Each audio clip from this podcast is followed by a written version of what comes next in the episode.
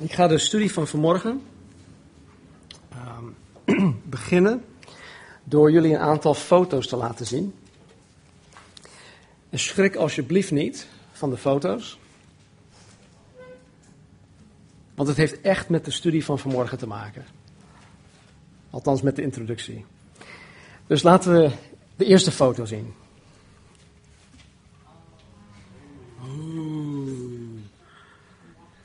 De tweede. En de derde. Hm? Dat is mijn nieuwe auto. Nee hoor. Weet je, voor, voor iemand die weinig geïnteresseerd is in auto's, is dit waarschijnlijk een afbeelding van niets meer dan een mooie, blauwe, luxe stationwagon van Duitse makelij. Maar, voor de kenner, voor de BMW-liefhebber, is dit veel, veel meer. De kenner zou zomaar over deze auto kunnen kwijlen. Echt waar. Zie je het? en de echte liefhebber, als hij het had, zou zomaar 170.000 euro ervoor neertellen. 170.000 euro. Naast het ontwerp de laatste foto nog even. Dit geeft, dit geeft aan wat het is. En nogmaals, voor de niet-autoliefhebber, dat zegt, zegt er nog niks, maar dat klein tekentje rechts achter, dat is het teken. Oké, okay, that's it. De foto's kunnen, kunnen weg. Naast het ontwerp, het design, de superieure materialen die in de productie gebruikt worden om hem te maken. En alle nieuwste technologische, technologische snufjes die toegepast worden. Zit er in deze auto iets heel bijzonders. En wat in die auto zit, dat boeit mij persoonlijk. Dat boeit mij enorm. Het boeit me echt meer dan heel veel dingen. maar goed, ik ben het bekeerd, dus ik. Uh, nee. Waar ik het over heb is namelijk de krachtbron onder de motorkap. Je zegt ja, boeien is een motor. Een auto is om van punt A naar punt B te komen. Nou, luister even wat BMW erover zegt. De V10 hoogtoeren motor. De M geeft aan welke kracht er onder de motorkap schuilt. 507 pk. 323 kilowatt. 5 liter cilinderinhoud. Maximale koppel van 520 newtonmeter bij een toerental van 6100 toeren per minuut. Weet je, een locomotief heeft ongeveer um, ehm, 1000 newtonmeter koppel. Dus dit heeft 520 newtonmeter koppel. Dat is gewoon heel veel brute kracht. Je kan daar een huis mee slepen, bij wijze van spreken. De V10 hoogtoerenmotor kent maar één antwoord als u op het gaspedaal indrukt of drukt. Volle kracht vooruit. In slechts, luister, 4,8 seconden sprint de BMW M5 Touring van 0 naar 100 kilometer. En 10 seconden later doorbreekt hij de 200 kilometer per uur markering. Pure performance. Ik had een BMW-verkoper moeten zijn. Dit, is, dit is gewoon echt, voor de autoliefhebber is dit het gewoon. Hè? Want kijk, toen ik, toen ik jonger was, hè, Kasper zegt, nou, maar toen ik jonger was, had ik, had ik mijn oog op, op sportieve auto's. Uh, Porsche of een uh, Ferrari of, of dat soort dingen. Maar nu ik een beetje meer volwassen ben, nu ik een beetje rijper ben geworden, vind ik dit, dit is gewoon het, het, toppunt voor mij. Want het is een station wagon. Luister, een station wagon. Hij gaat van 0 tot 200 in 14,8 seconden. Ik denk dat de meeste van onze auto's waarschijnlijk van 0 tot 100 in 14 seconden gaan. Voor mij, als bekeerde liefhebber, is dit en blijft dit gewoon indrukwekkend. En als ik mezelf helemaal laat gaan, ben ik zo iemand die daarover zou kunnen kwijlen. Maar goed, voor iemand, ik denk het merendeel van jullie, die totaal geen interesse heeft in dit soort auto's, is zo'n auto gewoon zinloos. Het is zonde van het geld. En ik doe het de laatste, de laatste 10 of 12 jaren en niet meer. Maar mocht ik met een niet-autoliefhebber praten over deze BMW M5, eh, over haar 570 pk en de optreksnelheid van 0, 0 tot 200 in 14,8 seconden, bla bla bla, dan krijg ik bijna altijd te horen dat het totaal geen zin heeft om zo'n auto te hebben, want je mag in Nederland toch maar 120 km per uur rijden. Toch? Daarbij krijg ik ook te horen dat men het zonde vindt om zo'n auto te hebben, want je kan niet ten volle gebruik maken van al haar kracht. 570 paardenkracht. Dat is heel veel. Ik heb 110 in mijn eh, nieuwe bolide. Is gewoon vijf keer zoveel. Maar goed, genoeg over de BMW. Als de doorsnee mens het zonde vindt om, om geen gebruik te kunnen maken van de kracht waarover deze BMW M5 beschikt, hoeveel meer zonde moeten wij christenen het niet vinden om geen gebruik te maken van de kracht die voor ons beschikbaar is?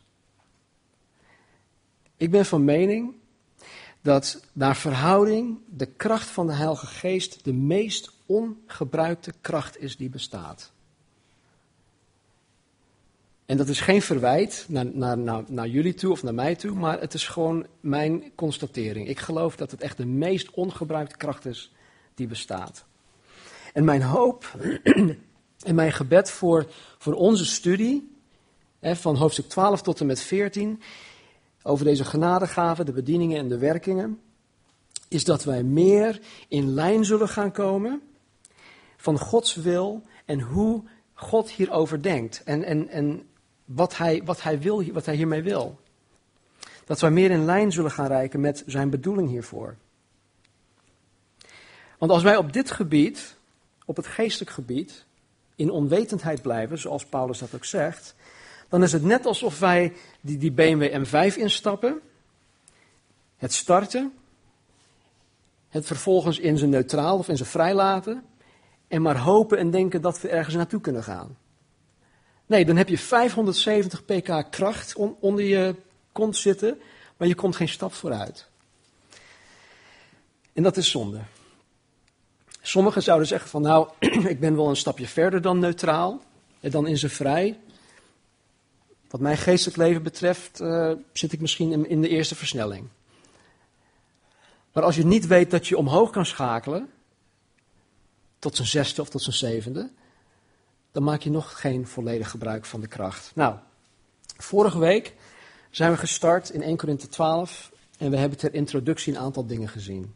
Ik wil nog even kort herhalen wat we vorige week hebben behandeld. Ten eerste hebben we gezien dat Jezus Christus degene is die zijn gemeente bouwt. En hij, hij, hij bouwt het en hij bouwt het op door middel van mensen. Door, door, door ons, door wij, wij die zijn trouwe volgelingen zijn. En we hebben ook gezien dat Hij ons de Heilige Geest gegeven heeft om ons in staat te stellen om Zijn bouwwerkzaamheden te kunnen uitvoeren. We hebben ook gezien dat de hoofdtaak van de Heilige Geest hier op aarde is om van Jezus te getuigen. Om Jezus te verheerlijken. En dan in vers 4, 5 en 6 van hoofdstuk 12 zagen we dat er verschillende genadegaven zijn, maar dat het één en dezelfde Heilige Geest is die deze gaven aan ons geeft dat er verschillende bedieningen zijn. Maar dat het een en dezelfde Heer Jezus is die deze aan ons geeft. Dat er verschillende werkingen ofwel uitingen van Gods kracht zijn. Maar dat het een en dezelfde God de Vader is die aan ons geeft. Kortom, er zijn verschillende geestelijke dingen, geestelijke gaven, geestelijke uitingen. Maar het is één en dezelfde God die deze aan ons geeft. Nou, als laatste zagen wij dat Paulus de verscheidenheid hierin benadrukt. En ik vond dat geweldig. De verschillen erin. Want net zoals ieder van ons in deze zaal verschillend is, zijn de genadegaven, de bedieningen, de werkingen van God stuk voor stuk verschillend. Er staan wel in dit hoofdstuk, volgens mij 13, maar hoe zij tot uiting komen in ieders leven is net weer even anders. Want zo uniek als wij zijn, zijn ook de gaven uniek hoe zij in en door ons leven heen gaan werken. En God wil en ieder van ons op deze unieke wijze begiftigen met zijn gaven en met zijn kracht. Hij wil dat. We hoeven hem niet ervan te overtuigen om dat te doen. Hij wil het. En alleen, ja, wij moeten alleen weten dat deze kracht überhaupt beschikbaar is. En dat hij deze kracht aan ons wil geven. Want anders blijven we steken in neutraal of in de eerste versnelling enzovoort. Nou, voordat we 1 Korinthe 12 induiken, wil ik nog even iets zeggen over het verschil tussen, um, tussen de genadegaven van de Heilige Geest en de vrucht van de Heilige Geest. Er zijn, zijn twee verschillende dingen. We weten inmiddels dat de kerk in Korinthe bestond uit mensen die grotendeels onvolwassen waren. geestelijk onvolwassen. Paulus noemt hun baby's of kinderen in het geloof. Er heerste geen onvoorwaardelijke liefde onder hen. Ze sleepten elkaar voor de rechter, ze maakten zich schuldig aan seksuele zonden, waaronder ook incest. Ze waren egoïstisch rondom het heilig avondmaal, enzovoort, enzovoort. Persoonlijk zou ik het niet fijn gevonden hebben om deel uitgemaakt te hebben van die gemeente. Het was één en al vlees, één en al egoïsme. Maar ondanks al hun tekortkomingen, ondanks de corruptie, en dat zij nog heel vleeselijk, nog heel werelds waren, zei Paulus in hoofdstuk 1 dat zij aan geen genadegaven ontbreken. Met andere woorden, zij beschikten over alle genadegaven. Paulus benadrukt hiermee Gods voorziening van de genadegaven. Hij zegt, jullie ontbreken aan geen genadegaven. God heeft jullie in alle genadegaven voorzien. Hij zegt dit niet om hun te prijzen over hun gebruik van deze gaven. Want we, zullen zo, want we zullen in deze komende hoofdstukken zien dat zij daar totaal misbruik van hebben gemaakt. Dus hij zegt het hier simpelweg dat, um, dat God hun in deze genadegaven heeft voorzien. Nou, dat valt me op, want de genadegaven, of uh, wat de genadegaven betreft, het lijkt erop alsof God geen eisen stelt om een genadegave te ontvangen. Of dat God geen voorwaarden koppelt aan het mogen ontvangen van deze genadegave. Zo lijkt het erop. Zoals we in hoofdstuk 14 kunnen zien, waren de Corinthiërs heel actief in het uiten van deze gaven. En dat ondanks hun vleeselijkheid, ondanks hun geestelijke onvolwassenheid.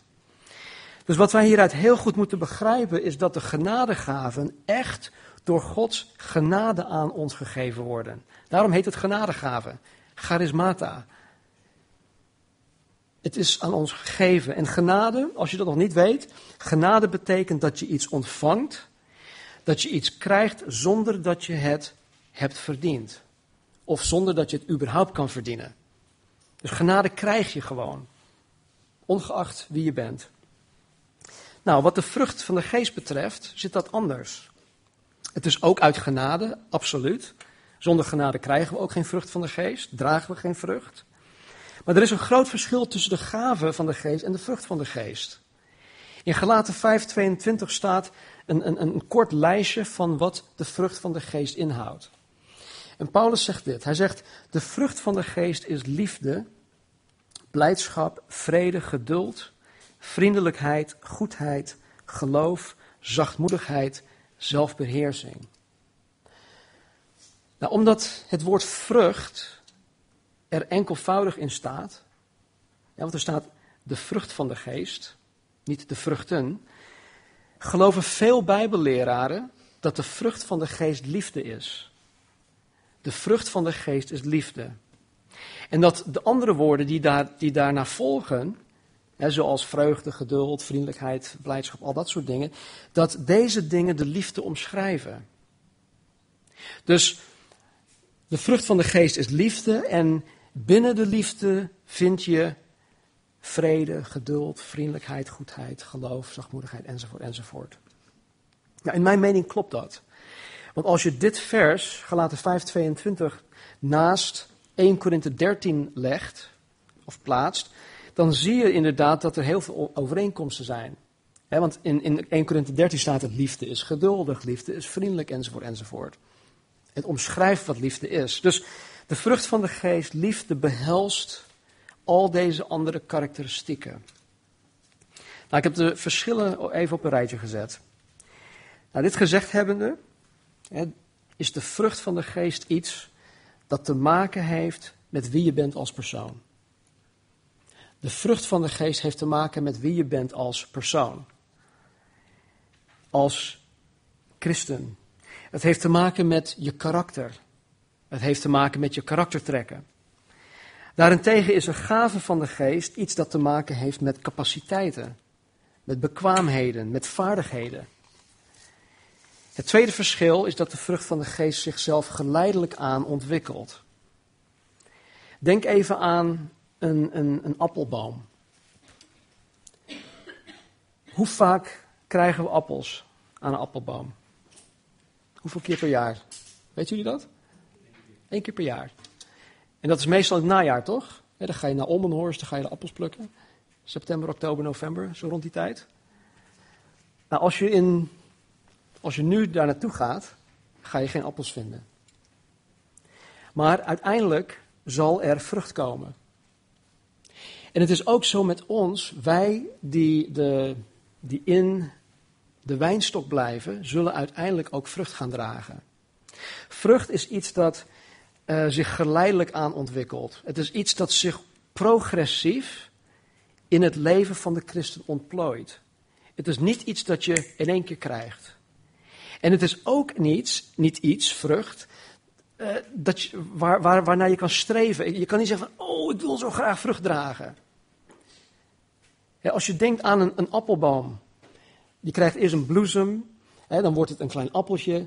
En die appel die zegt niet van, oh man, ik moet appel worden. Ik, ik, moet echt een appel gaan worden. Nee, hij, hij, hij streeft helemaal niet. Hij hangt gewoon in, aan die boom en hij wordt vanzelf een appel. En het enige wat, het, wij hoeven te doen om vrucht te gaan dragen in ons leven is in de, in de wijnstok te blijven, in Jezus blijven. Dan zullen wij vanzelf ook vrucht gaan dragen. Nou, de Bijbel leert ons dat, we, dat er iets is dat heet heiligingsproces. Wij worden progressief geheiligd. Nou, het heiligingsproces betekent simpelweg dat wij meer en meer op Jezus Christus gaan lijken. En door middel van dit heiligingsproces word ik van binnenin door Gods geest en door Gods woord veranderd. En door deze innerlijke verandering ga ik steeds meer en meer op Jezus Christus lijken, die liefde is. Dan zal ik ook steeds meer vrucht gaan dragen. Daarentegen is, is een gave van de geest iets dat men onmiddellijk kan krijgen. Denk even aan uh, Pinksteren, Handelingen hoofdstuk 2, de 120 die in de bovenkamer zaten. Die werden vervuld met de Heilige Geest. Ze kregen onmiddellijk de gave van vreemde talen.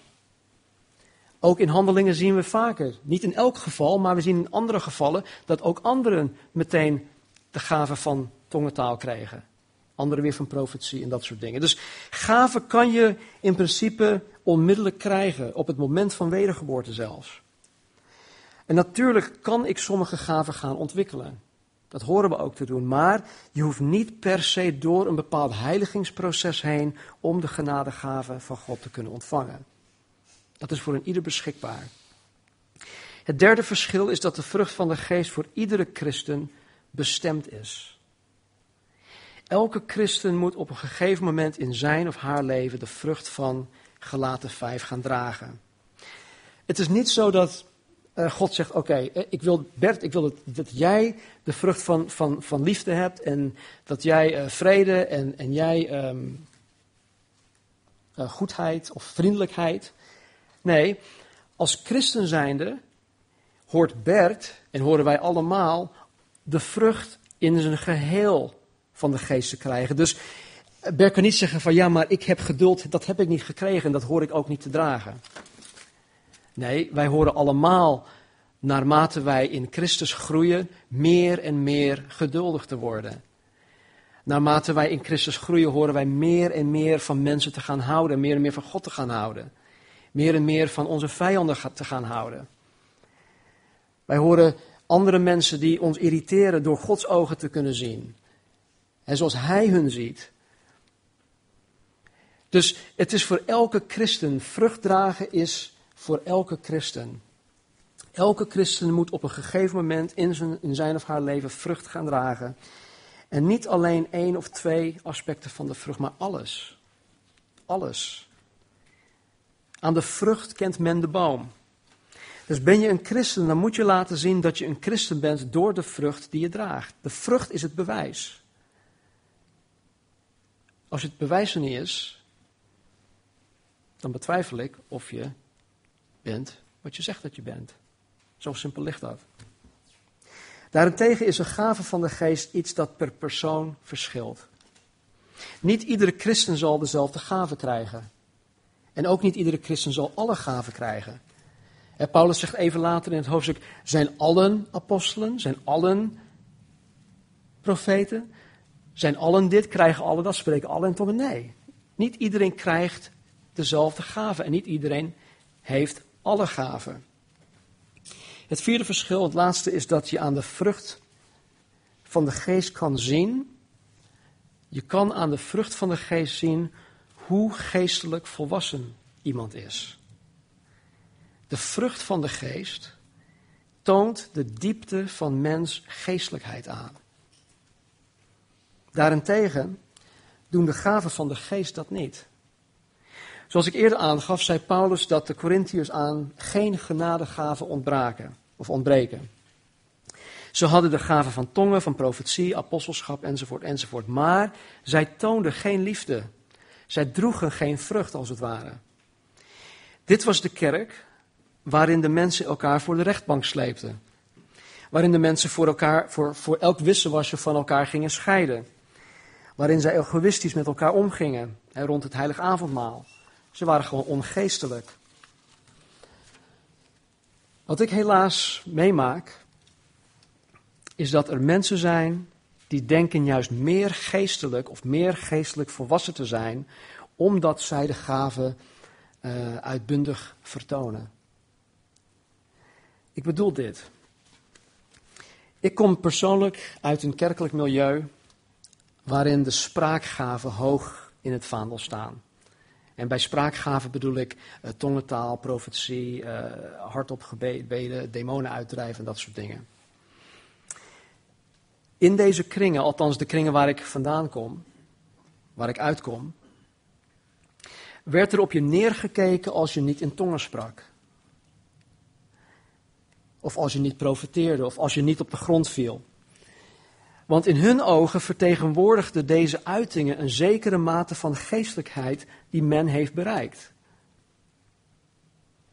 Het was zelfs zo dat toen onze derde dochter twee of drie weken oud was, moest ze geopereerd worden. En dat, um, dat wij naar deze kerk gingen om, om hulp te vragen, hè, gebedsondersteuning dat ze tegen ons zeiden van, eh, wat mankeert er nou aan jullie? Jullie hebben blijkbaar niet genoeg geloof. Waarom leidt je dochter daaraan? Nou, dat, dat, dat, dat zie ik nergens terug in de Bijbel. Dat is zeker geen liefdevolle uiting naar mensen toe. En wat stel je voor uh, dat ik, nou Rosemary, die bijna een jaar geleden is heen gegaan, dat ik tegen haar zou zeggen, joh, weet je Rose, de reden waarom jij zo lijdt is omdat je niet genoeg geloof hebt. Maar dat, dat breekt je hart als mensen dat tegen je zeggen. Degene die wel in tongen spraken, die wel profeteerden, die mensen genazen en mensen bevrijden van demonen.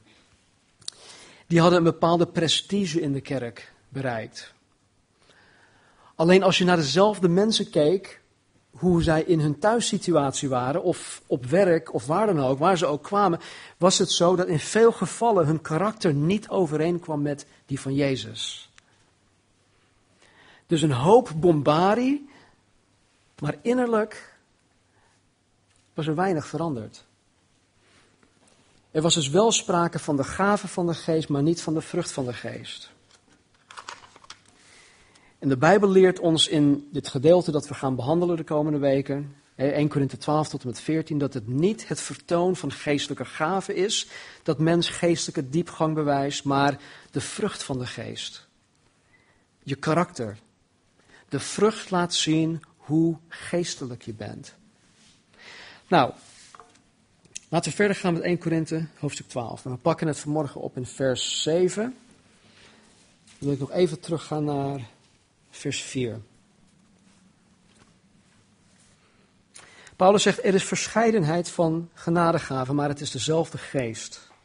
Er is verscheidenheid van bedieningen en het is dezelfde Heer. Er is verscheidenheid van werkingen, maar het is dezelfde God die alles in allen werkt. Vers 7. Aan ieder echter wordt de openbaring van de geest gegeven tot wat, nuttig, tot wat nut heeft voor de ander of wat nuttig is voor de ander. Paulus zegt dat elke openbaring, elke bekendmaking, elke zichtbaarmaking, elke uiting van de Heilige Geest aan de christen gegeven wordt tot wat nuttig is. Tot wat nuttig is voor de ander. Zie, de, gemeente van Jezus Christus is de enige, ja, uh, het is niet eens een organisatie, maar het is een organisme waarin de mens, waarin elk lid niet aan zichzelf hoort te denken, maar aan de ander. En ook hier zien wij dat wij de gave die we die wij krijgen, niet voor mijn eigen nut is, behalve dan het spreken in tongen misschien. Maar alle gave is, is voor het nut van het geheel of voor, voor de ander. Het is niet de bedoeling dat iemand opschept of hoogmoedig wordt over de gave die ze hebben gekregen. maar dat het gaat om de opbouw van de ander. Paulus zegt dit omdat hij hun er weer erop wil wijzen dat zij egoïstisch zijn. Dat zij zich moeten gaan richten op anderen. Dus de gave van onderwijs hè, die ik heb gekregen is om anderen ermee op te bouwen. Ik sta hier niet voor mezelf. En niet alleen om anderen ermee te dienen of op te bouwen, maar ook om anderen te helpen hun gaven meer effectief te gaan gebruiken. Weet je, als, als je, waar het op neerkomt, het christen zijn en het gemeente zijn, is dat mijn leven, ik hoor mezelf in te zetten voor jullie, zodat jullie tot, tot ontplooiing kunnen komen. Dat jullie zullen worden wie jullie in Christus zijn. Dat jullie tot jullie volledige potentieel komen. Nou, of ik dat kan bereiken, nee, maar ik mag daar wel aan bijdragen. Ik moet dat zeer zeker niet belemmeren. En als we dat allemaal voor en met elkaar en onder elkaar doen, mensen, dan, dan, dan, dan kan het niet anders dat wij allemaal opgebouwd worden.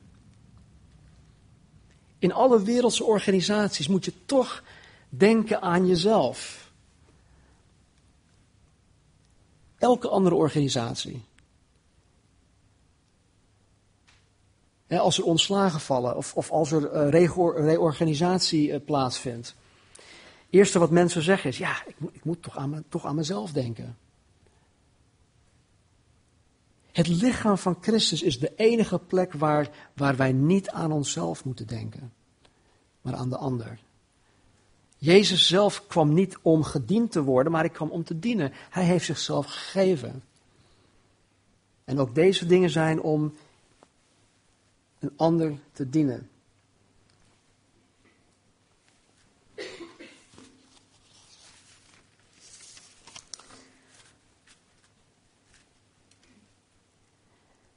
Doordat ik het woord week in en week uit verklaar, en door het uitoefenen van mijn gaven, worden jullie steeds meer en steeds beter in staat gesteld om jullie gaven te gaan ontdekken en deze te gaan gebruiken.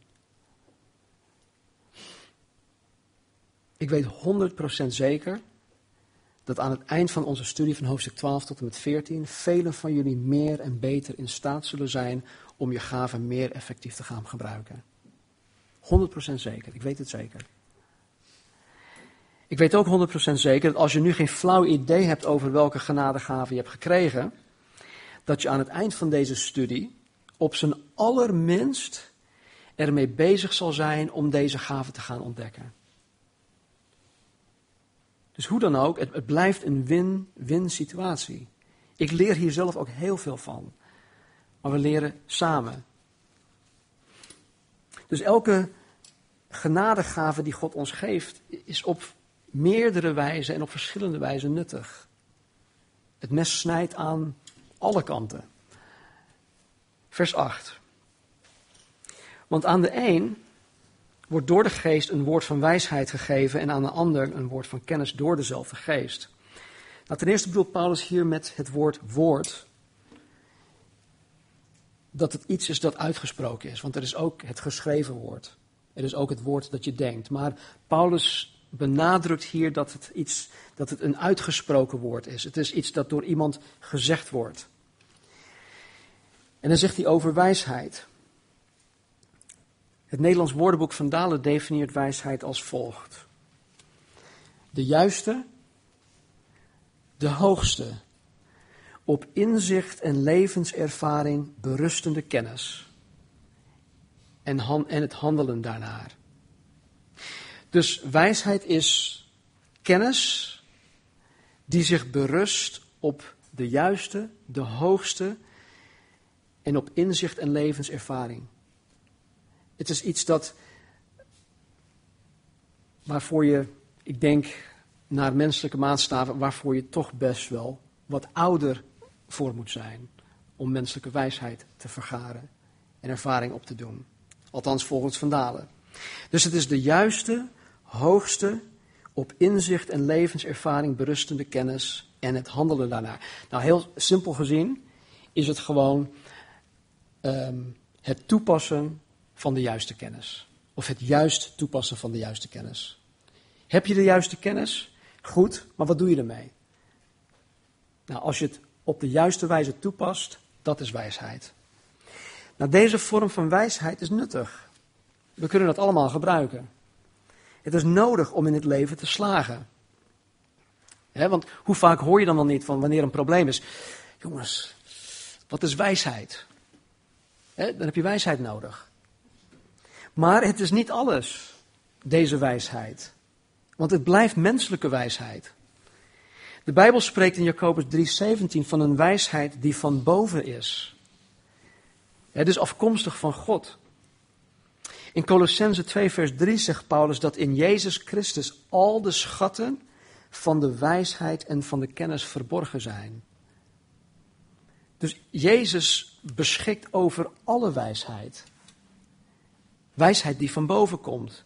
Een goddelijke, een hemelse wijsheid. Deze wijsheid, Gods wijsheid, gaat veel verder en is veel hoger dan alle menselijke wijsheid bij elkaar opgeteld. En het is deze wijsheid die God aan ons geeft. Onder andere in de vorm van deze genadegave, een woord van wijsheid. Algemeen gesproken wil God dat al zijn kinderen wijsheid krijgen. En we krijgen deze wijsheid door het simpelweg aan God te vragen. En we krijgen het ook door het woord van God, de Bijbel, ons eigen te maken. En zo krijgen wij of verkrijgen wij Gods wijsheid. Een hele wijze man, Billy Graham, die heeft jarenlang, jaar in jaar uit, heel trouw zijn roeping, zijn gaven, zijn roeping tot uiting gebracht, zijn gaven gebruikt. Hij is nooit zoals velen na hem. Hij is nooit gevallen. Hij is onberispelijk gebleven. En toen hem ooit de vraag werd gesteld van Billy, hoe heb je jezelf beschermd tegen zonde? Hoe heb je jezelf beschermd tegen het vallen, waar zo vele andere uh, evangelisten en dergelijke, dergelijke zijn gevallen? Hij zegt op zijn North Carolina accent, zegt hij dan, ik heb elke dag de spreuken gelezen. Hij zegt, er zijn 31 spreuken. Er zijn ook 31 dagen in de maand. Dus elke dag. Maand in, maand uit, jaar in, jaar uit. Door blijven lezen. Hij zegt dat, onder andere heeft dat mij behoed van het vallen. Gods wijsheid. Gods woord. Maar hoe zit het dan eigenlijk met het, een woord van wijsheid, deze gave? Hoe en wanneer komt die gave tot uiting? En wat voor nut heeft het? Om deze vraag beantwoord te krijgen is het noodzakelijk om het antwoord te zoeken bij de bron. De beste en de meest betrouwbare manier om een voorbeeld van een gave in de praktijk te zien, is om in de Bijbel te kijken. En want er gebeuren heel veel dingen om ons heen. Er gebeuren vandaag de dag heel veel dingen waarvan je kan zeggen van, joh, is dat wel kosher? Is dat wel van God? Is dat wel bijbels? Nou, de enige manier om het echt te toetsen, om erachter te komen of het inderdaad van God is, is om in de Bijbel te kijken. Daar kom ik straks nog op een andere keer op terug. Maar laten we even kijken naar één voorbeeld van Jezus. Want Jezus is hierin ook ons groot voorbeeld. In, uh, in Lucas hoofdstuk 20. Ik zal het voorlezen. Ik heb het uit het boek heb ik het, uh, geknipt en geplakt. Lucas 20, uh, hoofdstuk 20, vers 19.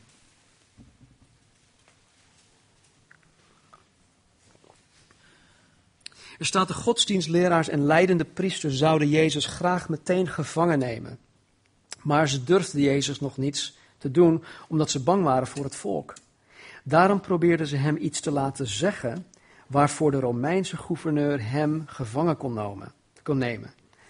Ze hielden hem goed in de gaten en stuurden enkele handlangers op hem af die zich voordeden als eerlijke, oprechte mensen. Meester, zeiden die tegen Jezus, we weten dat u eerlijk bent. Wat u de mensen leert is de waarheid. U laat zich niet beïnvloeden door wat anderen denken, maar zegt ronduit wat God wil. En ze strelen hem. Dan zeggen ze dit: Is het juist om de Romeinse keizer belasting te betalen of niet?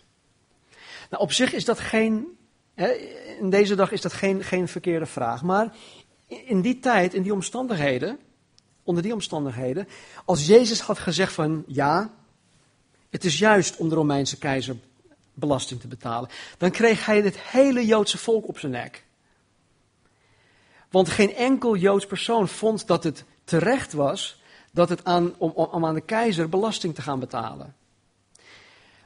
Anderzijds, als hij tegen hun zei van nee, het is niet juist om belasting aan de keizer te betalen, dan zou hij het hele Romeins leger op zijn nek krijgen. En dan zou hij waarschijnlijk worden gearresteerd, omdat hij iemand is die de boel dan um, ja, opschudt. Een insurrectionist, hoe noem je dat? Een oproerkraaier. Ja, dus um, ze probeerden hem te vangen in zijn woorden. En wat deed Jezus? Er staat in vers 23, hij had hen door. En Jezus zei, laat me eens een geldstuk zien. Wiens afbeelding staat erop? Toen zeiden ze, ja, van de Romeinse keizer. Wel nu, zei hij, oké, goed. Geef de keizer wat de keizer toekomt en aan God wat God toekomt. Daar wisten ze niets op te zeggen, staat er. Hun plan om hem in het bijzijn van mensen op een woord te vangen was op niets uitgelopen. Dit was een woord van wijsheid. Hij was daar onder al die mensen. Het, het waren om, vijandige omstandigheden.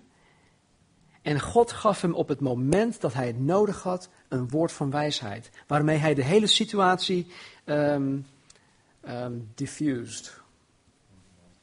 Ont? Ontmantelde of ontkrachtte. Een woord van wijsheid doet dat. Even verder, of in een ander gedeelte. Matthäus hoofdstuk 10, vers 16. In dit gedeelte bereidt Jezus zijn discipelen voor op wat gaat gebeuren. En hij zegt: Ik stuur jullie, dus jullie discipelen, erop uit als schapen onder wolven. Wees zo verstandig en oplettend als slangen en zo oprecht en onschuldig als duiven. Maar pas op, men zal jullie voor de rechtbanken brengen en afranselen in de synagogen. Jullie moeten terechtstaan voor presidenten en koningen, omdat jullie bij mij horen. Dat zijn kansen over hun, of dat zijn kansen hun over mij te vertellen en de wereld te laten weten wie ik ben. Als je wordt gearresteerd, hoef je geen zorgen te maken over wat je moet zeggen. De juiste woorden zullen je op het juiste moment worden ingegeven. Dan zullen jullie het niet zijn die spreken, maar dan is het de geest van je hemelse Vader die door je spreekt. Tot zover. Nou, dit is geen excuus voor luie predikanten om zich niet goed voor te bereiden. dat van de Heilige Geest, die spreekt toch door je heen. Maar dat is een heel ander verhaal. Jezus bereidt zijn discipelen erop. En hij zegt dat zij de gelegenheid zullen gaan krijgen om op het juiste moment Gods woorden te ontvangen. De gave van het woord van wijsheid. Het is iets dat de christen op het juiste moment ontvangt in onder andere vijandige situaties. En dit zagen we in het leven van Jezus. En Jezus belooft het hier in dit gedeelte ook aan zijn discipelen. Nog één voorbeeld.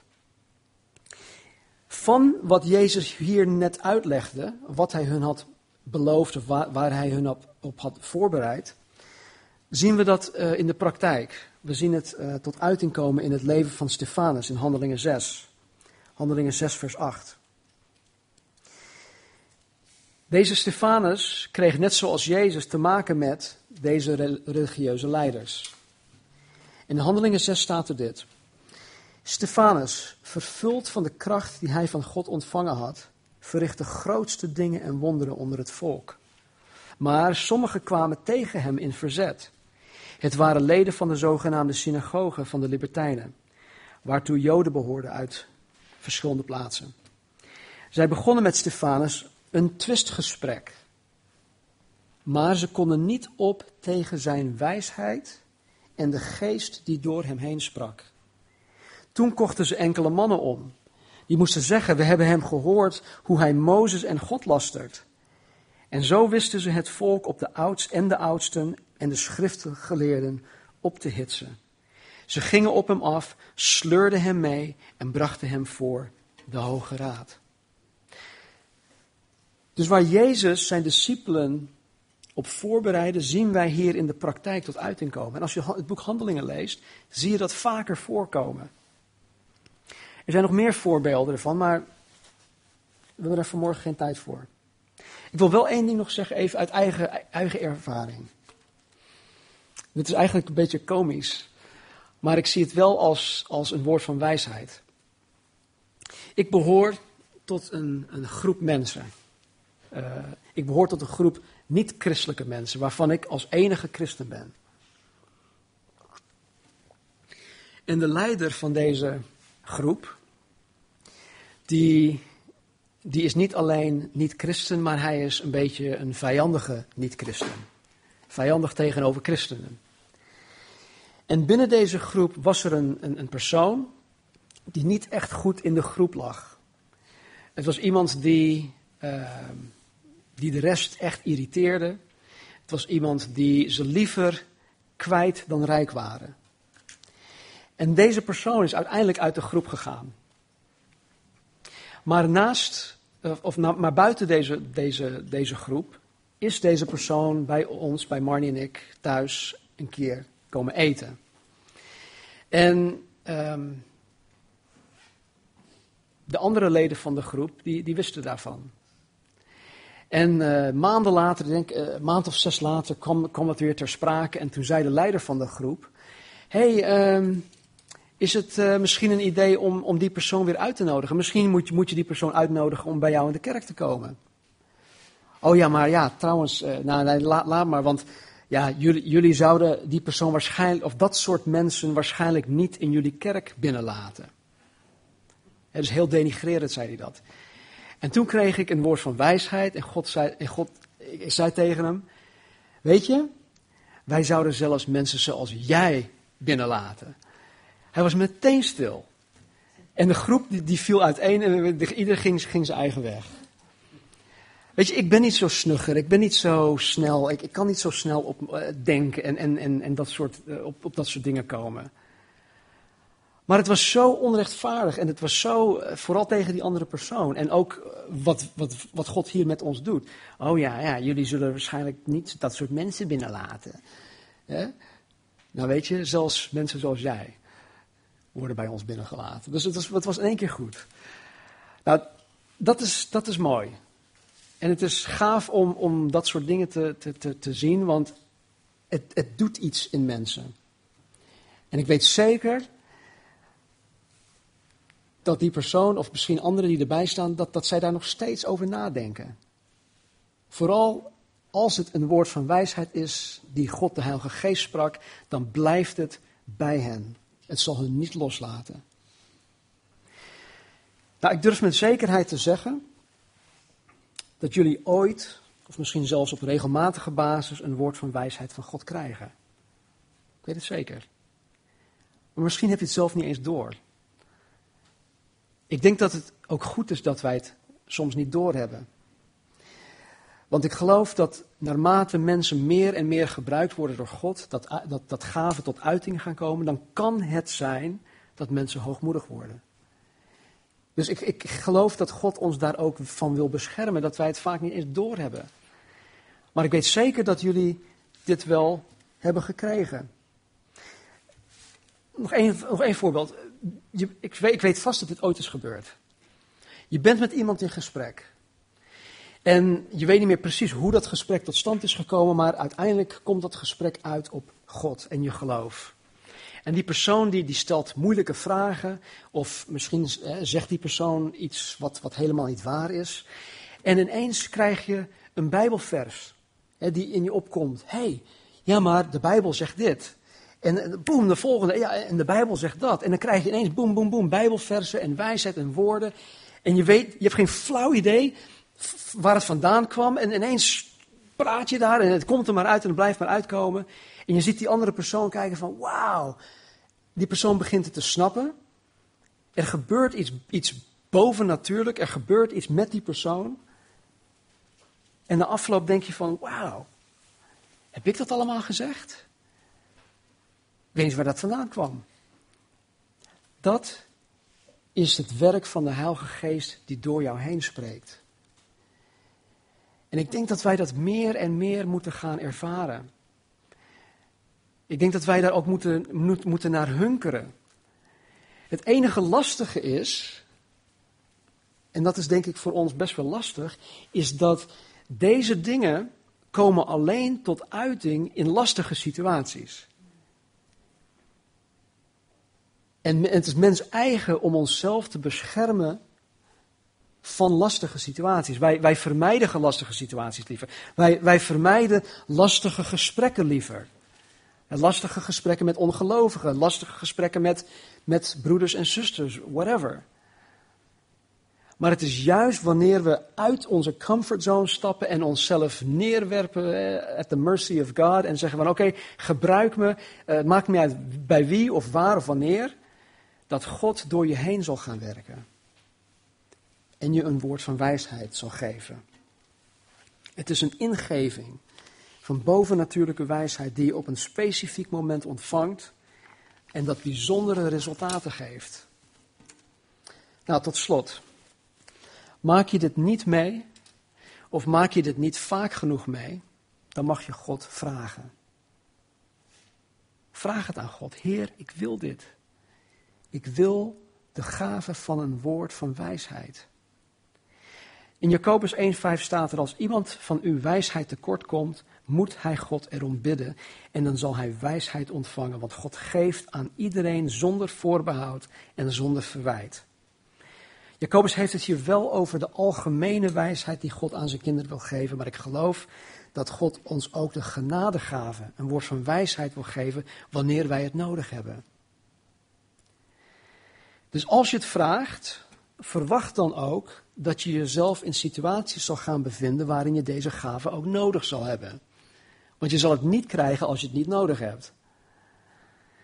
Hoe dan ook, ik wil vanmorgen en ieder van jullie op het hart drukken om de kracht van de Heilige Geest niet ongebruikt je leven voorbij te laten gaan. Het is zo zonde. En als je zoals ik denk dat het zonde is om met een BMW M5 met haar 570 pk in neutraal te blijven staan of op zijn best in zijn eerste versnelling te rijden. Denk dan aan hoe zonde het is om de kracht van de Heilige Geest niet in je leven werkzaam te hebben. Dus stap uit je comfortzone, waar de Heilige Geest in zal grijpen. Er gaat een hele wereld voor je open. Laten we bidden. Vader, ik dank u voor uw woord. Ik dank u voor uw kracht. Heer, ik dank u dat u een ieder van ons geroepen heeft, Heer. Dat u een ieder van ons geroepen heeft om uw getuige te zijn. En Heer, dat u ons alles heeft gegeven om ons daarvoor in staat te stellen. Heren, wij hoeven dit niet in eigen kracht te doen. Heren, wij hoeven alleen in geloof uit te stappen uit onze comfortzone om u uw werk in ons en door ons heen te laten gebeuren. En zo ook met, het woord van, met een woord van wijsheid, heren. We hebben het zo hard nodig.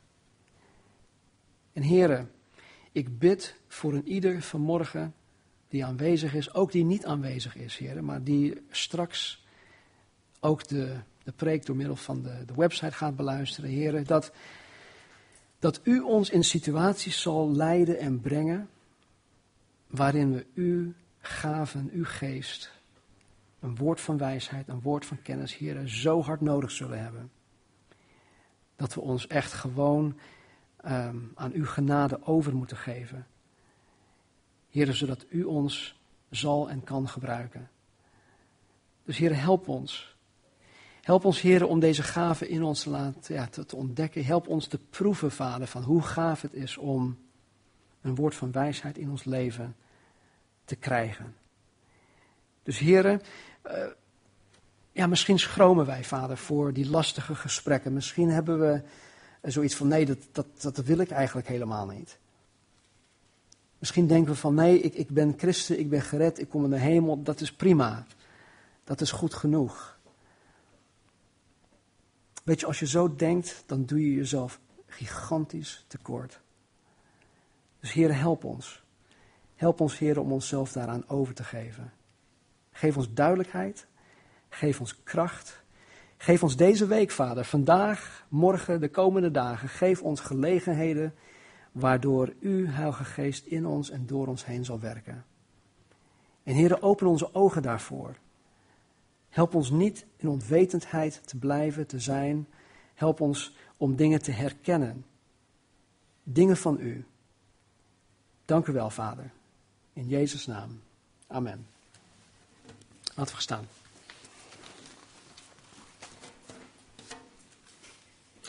Ik zei dat, um, dat het erop lijkt alsof er bij de geestelijke gaven geen, uh, God geen eisen stelt, hè, of dat er geen voorwaarden aan gekoppeld zijn.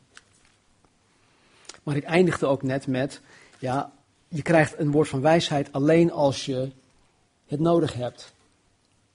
Dus als je je in je eigen wereldje veilig wil, wil blijven en als je, als je schuilt in je eigen veilige wereld, dan zal je waarschijnlijk deze dingen nooit meemaken. Dus ik wil je uitdagen, niet alleen om God te vragen, maar ik wil je uitdagen om deze week ook iets, iets geks te doen voor God. Iets radicaals. Iets dat je eigenlijk nooit zelf zou doen. Maar vraag God, Heer, wat wilt u van mij? Wat wilt u dat ik deze week doe? En doe het gewoon. Hoe raar het ook misschien lijkt, doe het gewoon. Je hoeft het ook met niemand te delen. Doe het. En God zal je daarin tegemoet komen. Ik weet het zeker. Dus wees erin gezegend, wees bemoedigd. Volgende week pakken we het verder op ja, uh, met uh, woord van kennis. Um, en daarna nog een aantal andere dingen. Uh, oh nee, niet volgende week. Volgende week is Pasen. Dus volgende week een paasboodschap. Um, evangelisch, evangelisatie is. Um, dus mocht je iemand kennen die, die je mee wil nemen, het, zal, het evangelie wordt gebracht. En we vieren ook heilig avondmaal. Dus wees gezegend en wees een zegen voor elkaar, voor God.